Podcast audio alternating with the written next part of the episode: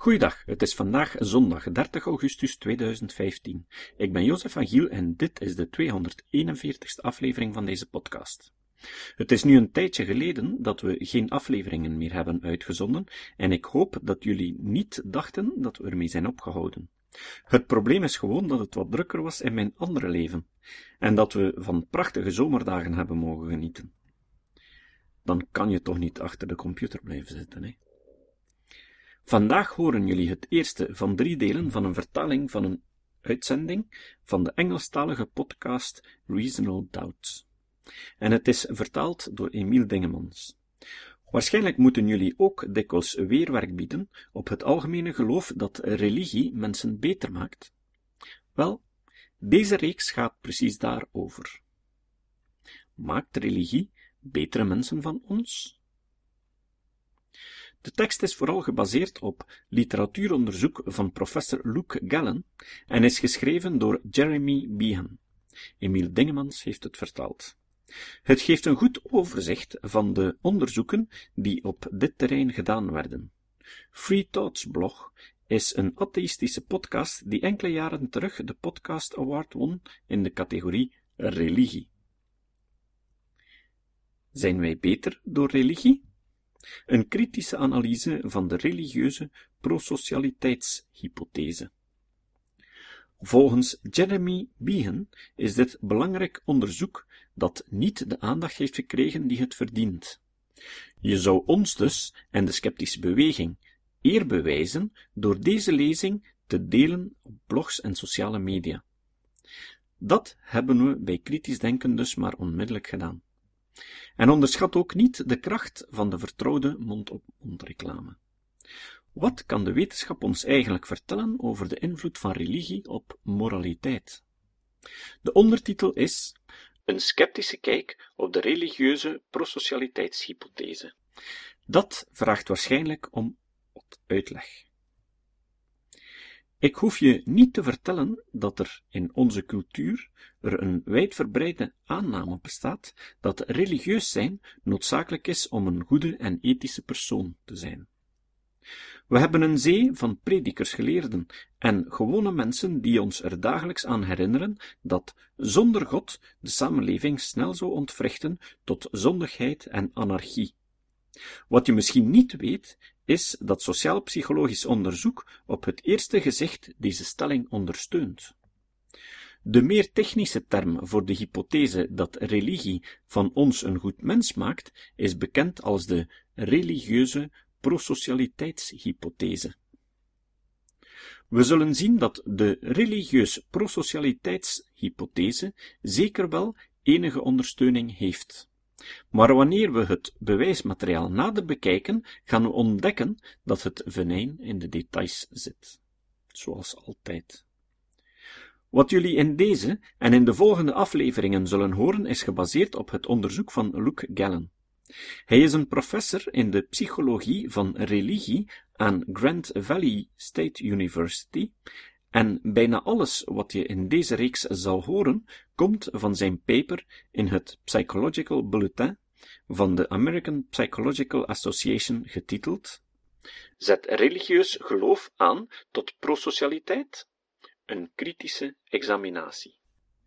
Goed, voordat we verder gaan, laten we eens definiëren wat we met prosocialiteit bedoelen. Ik haat het woord nu al. Ik ben nog maar net begonnen en ik ben nu al moe van het woord. Maar de term prosocialiteit refereert aan een soort positief sociaal gedrag en op dit gamma staat vrijgevigheid in de vorm van liefdadigheid of gespendeerde tijd aan vrijwilligerswerk tot persoonlijke kwaliteiten, zoals persoonlijke kenmerken, hulpvaardig zijn en eerlijk zijn. En er is zelfs een indrukwekkende reeks van wetenschappelijke studies die deze hypothese ondersteunen. Die proberen aan te tonen dat de gelovigen meer prosocialiteit tonen dan de niet-gelovigen. Uiteindelijk is dit zelfs het onderwerp geworden van een aantal populaire boeken. Eén waar je misschien van gehoord hebt is A Friendly Letter to Skeptics and Atheists van David Myers of meer recentelijk American Grace, How Religion Divides and Unites Us, Het brede publiek krijgt dus te horen dat de gegevens binnen zijn en religie je gelukkig maakt. Gelukkiger, gezonder en meer behulpzaam. En dat dit een conclusie is die niet alleen maar filosofie of religie is. Het is wetenschap. Sommige atheïsten lopen hier zelfs mee weg. Een klaarblijkelijk overweldigende zaak voor het prosocialiteitseffect van religie is genoeg om mensen hiervan te overtuigen, zoals Jesse Baring. Een atheïst-psycholoog en eigenlijk een behoorlijk goede auteur. Voldoende om hem te overtuigen dat religie heilzaam is. Tenminste voor anderen.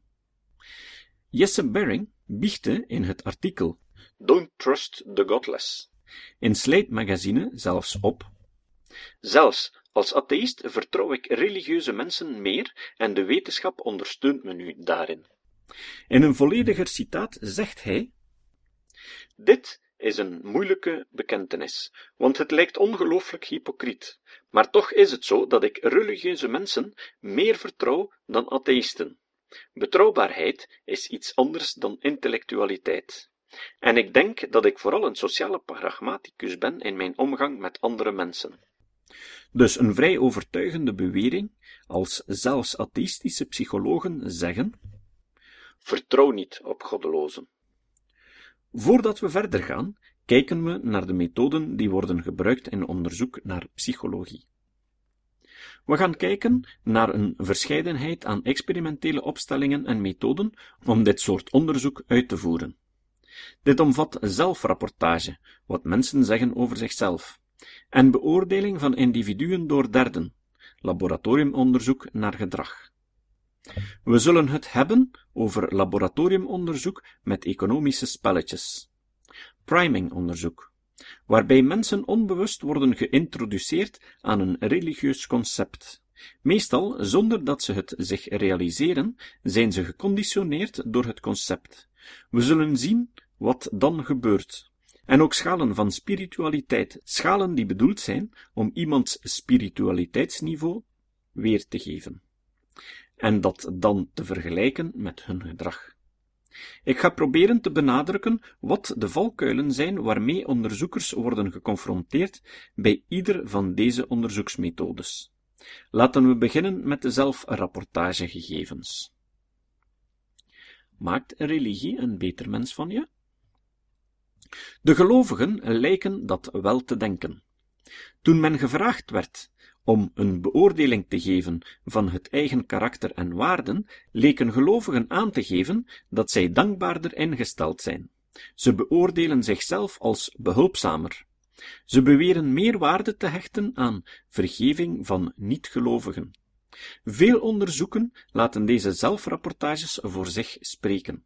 Het feit dat gelovigen denken dat ze moreler zijn, wordt gezien als bewijs dat ze deze prosociale karaktertrekken hebben. De grote vraag is of we gelovigen op hun woord moeten geloven. Nee, niet als hun evaluaties gebaseerd zijn op vooringenomenheid in plaats van op een realistische inschatting van hun eigen karakter. Zelfrapportagegegevens zijn vaak onbetrouwbaar door hun aard. Mensen zijn gevoelig voor de vorming van de positieve illusies over zichzelf. We doen het allemaal. We hebben de neiging om onze reacties op vragenlijsten mooier te maken om onszelf beter neer te zetten. Soms is dit gewoon een bezorgdheid over ons zelfbeeld. Sociaal psychologen noemen dit zelfversterking. Of soms willen we een goede indruk maken op anderen, of in het bijzonder onze groep. Dit wordt aangeduid als impressiemanagement. Hoewel dit een wijdverspreide tendens is en zeker niet beperkt tot gelovigen, is het interessant om weten dat deze tendens meer uitgesproken kan zijn bij degenen die een sterke mate van religieus geloof hebben. Zeer religieuze mensen hebben in het algemeen de neiging om zichzelf als beter te zien dan anderen, zelfs beter dan andere religieuze personen. Ze evalueren zichzelf hoger dan niet-religieuze personen op kenmerken die absoluut niets te maken hebben met de religie. Ze beoordelen zichzelf bijvoorbeeld hoger op intelligentie of op hun kwaliteit als werknemer. zaken die geen direct verband houden met hun religieuze moraal. Van mensen met een hoge intrinsieke religiositeit is daadwerkelijk aangetoond dat ze een hogere mate van zelfversterking en impressiemanagement hebben. Bijvoorbeeld, als je een christen herinnert aan zijn eigen waarde, zal die eerder geneigd zijn aan te geven dat hij meer dan zijn geloofsgenoten naar christelijke principes leeft. Je kan ook het omgekeerde doen en ze een beoordelingsrapport geven dat hun hoge zelfwaardering in vraag stelt, of ze laten schrijven over iets dat ze niet leuk vinden aan zichzelf. Degenen die hoog scoren op intrinsieke religiositeit, de sterkte van het geloof, nemen eerder hun toevlucht in zelfbedrog als compensatiestrategie. Zeer religieuze mensen zijn ook in het bijzonder bezig met zichzelf als moreel persoon te positioneren en voelen zich aangevallen als dat beeld uitgedaagd wordt. Waarom hebben onderzoekers soms veel vertrouwen in deze zelfrapportages? Wel, omdat deze positieve zelfrapportages soms bevestigd worden door anderen, hun familie, hun collega's, hun gelijken. Derden beoordeelden religieuze personen dus aardiger, meegaander, altruïstischer en meer empathisch. Voor sommigen is dat een bewijs dat deze zelfrapportages geen zelfbedrog zijn. Dat het geen morele hypocrisie is. Het zijn correcte beoordelingen van hun karakter. Maar ik denk dat we hier nog steeds een beetje sceptisch kunnen zijn. Wanneer we spreken van een overwegend religieuze samenleving, waar 80% tot 95% van een volk religieus is en ongeveer 75% zich in ieder geval christen noemt, zoals in de VS, is de kans groot dat een substantieel deel van de families en collega's van de ondervraagden ook religieus zijn. Wat betekent dat er sprake kan zijn van een in-group bias. Dat is de neiging om je eigen groep positiever te beoordelen. Er is ook bewijs dat dat ondersteunt. Ingroep favoritisme is een goed bestudeerd fenomeen in de sociale psychologie. Nogmaals, dit gaat hier niet alleen om religieuze mensen, maar om ons allemaal. Het is natuurlijk voor mensen om een gevoel van eigenwaarde te ontlenen aan de groepen waarmee ze zich associëren. Het is natuurlijk om een positief beeld te tonen aan het publiek, aan degenen die hun identiteit delen.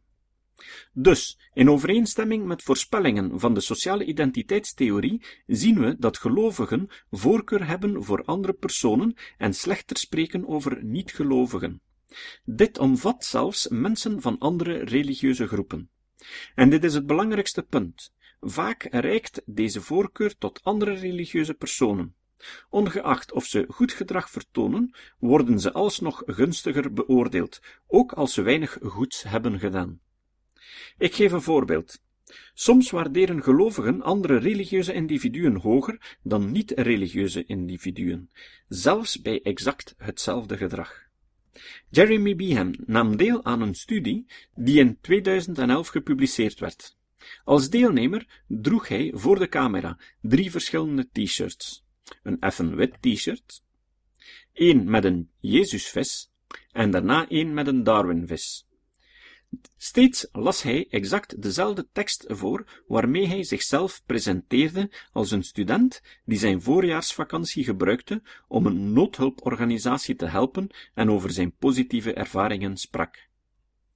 Geen vermelding van godsdienst of iets anders. Ze vonden in deze studie dat mensen hem als leuker, intelligenter, betrouwbaarder en aardiger en moreler beoordeelden als hij het t-shirt van de Jezusvis droeg. Dus hetzelfde gedrag, maar door het subtiele signaal dat hij religieus zou zijn, werd zijn gedrag als beter beoordeeld. De meeste onderzoeken, die gebaseerd zijn op beoordelingen door derden, controleren niet afdoende voor deze neiging voor ingroep bias. En dat is het probleem. Idealitair zouden onderzoekers ervoor moeten zorgen dat de deelnemers zich volledig onbewust zijn van de religieuze identiteit van degenen die ze beoordelen dan hebben we meer redenen om hun evaluaties te vertrouwen. Maar dit is helaas zelden het geval. In de meeste onderzoeken waar de schrijvers bewust waren van de religieuze identiteit van de ondervraagden, kwam een duidelijke vooringenomenheid naar voren. Dat suggereert een ingroep bias. Wanneer we weten dat iemand religieus is, beoordelen ze die positiever. Er zit een interessante draai aan dit alles. Niet-religieuze mensen lijken mede-ongelovigen niet als prosocialer te beoordelen dan gelovigen. Om de een of andere reden heeft deze ingroep bias minder invloed op niet-gelovigen.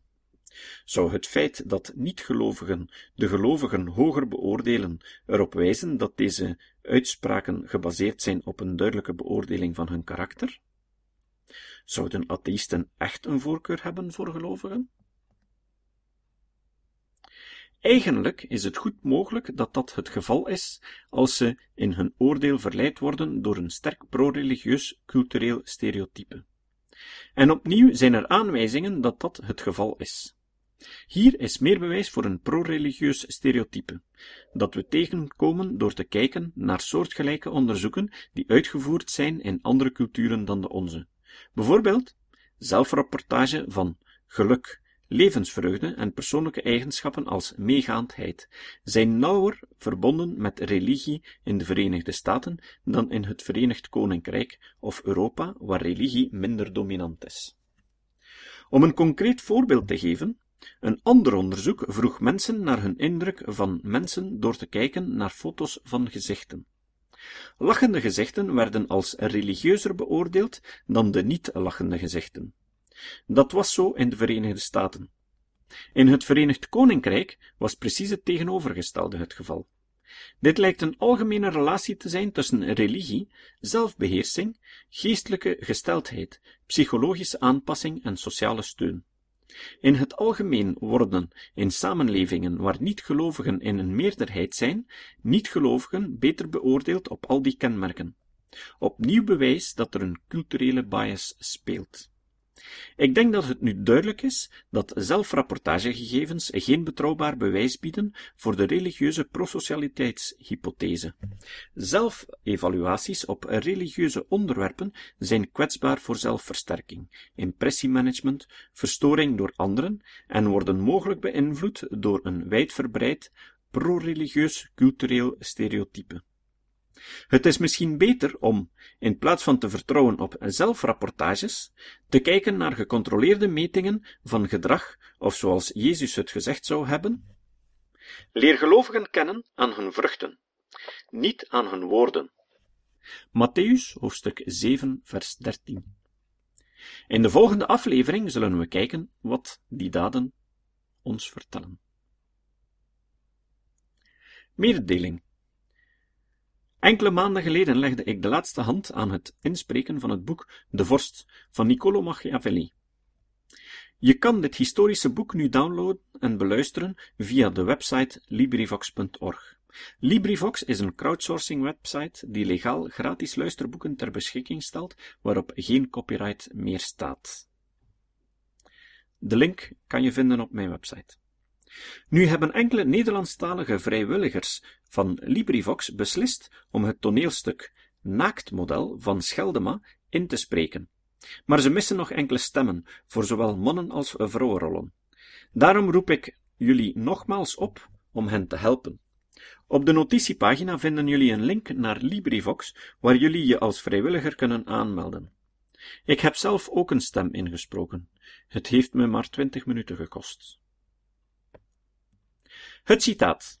Het citaat van vandaag komt van de 17e-eeuwse Franse verlichtingsfilosoof Voltaire.